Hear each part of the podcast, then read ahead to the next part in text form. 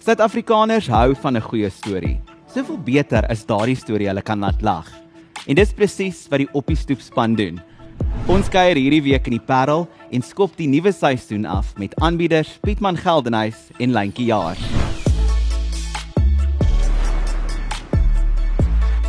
Luister Lentjie, Pietman, dis my so lekker en heelwat van 'n bederf om nou vandag hier op julle stel te kom kuier. Ek dink my sal is nogal oulik, maar julle sin vat dit tot die volgende level. Dis sekerlik lekker vir julle om elke dag hier op te stap en hier program te maak. Absoluut. Kyk jy so, ek wil hom net vir jou sê, dis die enige stel. Sy naam is op die stoep. op die stel. exactly. Maar so lekker vir vir jou ook hier vandag by ons te Ronaldo. Ek moet sê ek voel iets wat soos Britney Spears met hierdie headset. Uh maar maar gepraat van van die stel en die en die produksie. Dis natuurlik 'n baie groot projek en 'n program. Wie is hierdie stel waarvan jy praat? O, sorry, Ja, ek het jou Ek nie is die aanbieder nou, julle is die gas.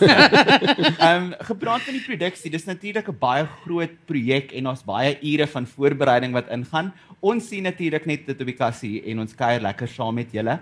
Praat ons bietjie hierdie proses van hoe 'n episode eintlik bymekaar kom. Kyk, dit begin eintlik met die stories. Ehm um, so die die ons ons probeer soveel as moontlik storievertellers bymekaar maak voor die tyd met 'n met 'n audisie toer. Hmm. En dis baie lekker as mens nou op die pad gaan en jy soek die storievertellers, want dis immers waaroor die program gaan. En ehm um, dan sal ons nou deur 'n nie 'n keuringsproses gaan nie, maar sê nou maar ons kry 'n storie wat wat gaan pas by iemand anders se storie, dan sal ons nie noodwendig iemand uitlaat nie, maar ons kies dan as gevolg of as gevolg van die stories. En dan natuurlik en jy sit nou vandag hier op die stel. Hmm. So hoe episode dan vir dit vir die mense wat hom nou sien op die TV. Hulle sien ons ek meen dit lyk amper soos uh, jy het amper so 'n goeie resitasie wat jy opsê. Maar is nie eintlik 'n resitasie nie. Jy lei eintlik mense in die storie in. Mm. So dan het jy jou verskillende vers, uh, storievertellers hierso en jy gee so 'n kort uh baieetjie van hulle en jy laat voel vir hulle welkom. En die mense wat en dan het ons gaste. So lyk So lyk hy. so lyk en jy moet hom leer onthou daar's nie 'n ding wat hou afloop en vir jou sê so nie. Hy's hier so die autocues in die kop. Mm. En ek dink ek en ou Pieter as kan hom sien ons het meer as matriek geslag. Ja, want eh, met die baie keer met die teks, ek ek doen ook die navorsing oor die gaste en kyk die stories en dan skryf ek die, die kort stukkie tekste voor elke gas. Maar dan skryf ek vir Lentjie langer stukke en vir En my die, tongknoppers. en vir my die Want kortetjies. sy het die moeilikste werk hè. Ja, laat ek man dis vir my lekker om haar dop te hou. En dan hy, weet jy daar was 'n woord wat ek glad nie kan gesê het wat 'n mens omtrent elke dag gebruik en dit was die woord omtrent. Wat het jy gesê? Mm. Toe sê ek maar ek sê maar want hy werk aan nou nie. Matthias Andreas Janari is gebore op die sendingstasie Rooiberg, net so 40 km noord van Verreinsdorp, langs die N7. Hy's 'n man met klomp talente en 'n fyn waarnemerskuns wat hy al deur die jare ontwikkel het. So ek sit nou hier by verhoog saam met julle en ek besef dat julle proses van TV maak ietwat moeiliker is as die van die res van ons. Nie net moet julle aanbied nie, julle moet dit doen voor 'n gehoor van 50 mense. Is dit 'n baie groot struikelblok om te oorkom? Ek dink dit maak dit vir my persoonlik vir Lentjie ook dalk uh, makliker want ons kom uit 'n uit 'n 'n live optrede uh, milieu uit. So dis amper soos 'n soos 'n optrede maar met die erns van die TV want jy weet dit word verfilm. So dis amper soos 'n kruk om die gehoor hierso te hê. Al al het dit ook sy eie uitdagings, maar dis ek sou veel eerder 'n gehoor as sonder een. Absoluut. Ek ek voel net soos hy. Hy het dit nou baie goed verwoord. So ek sal nie weer sê wat hy gesê het nie. Sê net omtrent Net so. Kom ons praat bietjie oor stories. Ehm um, en ek dink die die lekker ding van julle program is dat julle regtig 'n groot kollig praat oor die belangrikheid van stories. Stories is so deel van die DNS van ons as Suid-Afrikaners, sekerlik meer so vir Afrikaanssprekendes. Hoekom is 'n storie so belangrik? Pieter ek sal sê elke mens het mos 'n storie. Mm. En dit die, die kuns van luister. Mense het dit verleer want almal wys vir mekaar videoetjies en kyk gou die WhatsApp en Of 'n meme. of 'n meme en dit is so lekker om weer uh, as mens net die tyd vat om te om regtig te luister na iemand en dis waar die kuns van storie vertel dan weer kom. As jy as jy goed genoeg luister na iemand se se gebeure, dit kan hartseer of snaaks of, of wat ook al wees en om dit dan weer te kan oorvertel.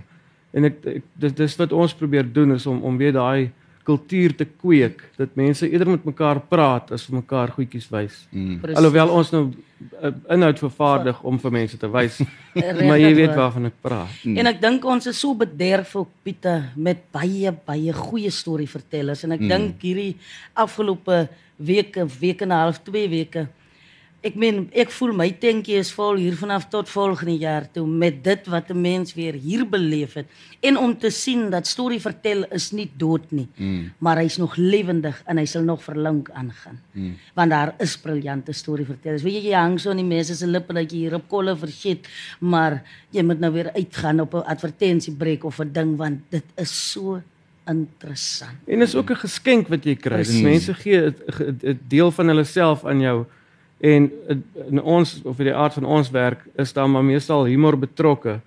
En lag is dit is bewys dat dit goed is vir jou en dit is mos nou lekker om te lag. En dan as een ou kan een storie vertel op sy manier en dan interpreteer jy dit anders en oormôre gaan vertel jy dit weer op jou manier en so Precies, kry die ja. storie hy dit dis 'n dis die wisselwerking Mm. en dit Ja. bly 'n 'n living breathing organism 'n storie. Mm. Presies. En uh, net om net om nog iets by te sê en wat vir my die lekkerste is op 'n skietaand. As ons nou begin en dan sal Andre hy, hy klink amper soos 'n stem uit die dak uit. en as hy nou nou eens vir die gaste sê ons skiet hierso, maar hy maak hom so 'n goeie rympie. Hy vat hom tot in Afrika en hy vat hom tot in die wêreld van hier uit die Parel uit. En ek dink dit is ook iets wat mense geniet mm. en dit maak ook vir hulle gemaklik want dan moet jy nou weet jy dit lyk amper die mense as dit luister soos mense wat met 'n antennetjie sit want hulle wil hoor wat kom volgende. So ek gaan julle nou iets wat op die spot sit en julle moet vir my antwoord gee. Ek weet aanbieders ontduik soms 'n 'n vraagie soos hierdie, maar watter kontry vertel die lekkerste stories? Julle moet een kies. Kan ek maar sê? Mm. Namakwa. Hoekom? Daai me onthou net een ding en Namakwa word gebore met 'n storie. Want as jy nou 'n kind vra wat daar gebore is, hy kan nou vir jou vertel van sy geboorte af, hoe hy gebore is, alhoewel hy nie eens daar was, alhoewel dit hy is wat gebore is. En ek dink ook die aardsheid van dit, die die natuurlikheid van dit, want onthou in Namakwa sit die aan nie. Mm. Hy's eerlik. Dis die eerlikste mens wat jy kan kry. En gister was die wonderlikste ding wat ek gehoor het hier toe ons ook nou hier met die Namakwalandse storievertellers gesit het. Toe sê die een om ons Namakwalanders praat stadig, maar ons word vinnig kwaad.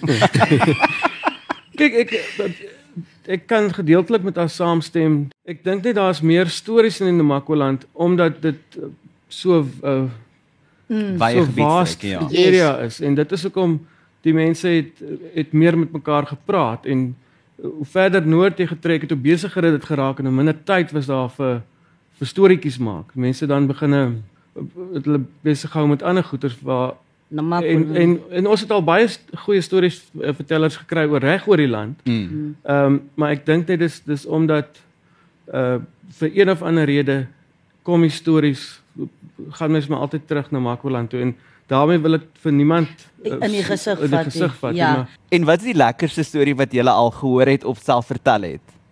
kyk dis dis dit meeste van die stories wat ons as die gaste nou gewoonlik hier aankom dan gesels ons nou eers lekker met mekaar dan kom dan nou stories uit wat ons nie noodwendig op die lig mag uitsaai nie en dit Mm.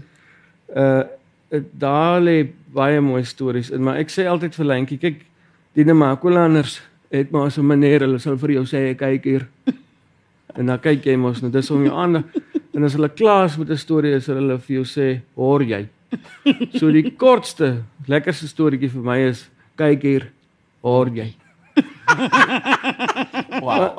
Maar maar ja, daar's daar's soveel Daar stories, Lentjie, ek weet nie of vir jou iets Ek stem eh, ook saam met Pieter veral as ons sit met die storievertellers. Hmm. Kyk hier, lyk dit daai mense, hulle is so gekeer gekom dat as hulle daar kom sit, weet jy, dis een storie wat vloei op die ander storie. En dit is wat dit so lekker maak. Nee, ek wil nie iemand se storie uitsonder nie.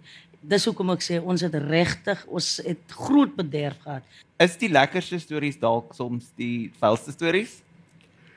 nie vuil nie, meer Mm, iets meer- iets wat Kom ons sê, mm, iets wat wat 'n uh, bietjie uh stout is nou nie die regte woord nie, maar iets waaroor jy moet dink wat hulle nie vir jou blaatant Ja. sê nie, maar as Mm. as jy self op die op die agter die kap van die byl kom. Hulle is maar iets met 'n bietjie spice by. Hy moet ja. Ja. Kom kuier volgende week Vrydagoggend saam vir 'n Kassie Kuiers eksklusief. Ek gesels met Skalk Besaidenout en François Jacobs na die afloop van die Op My Eis finale.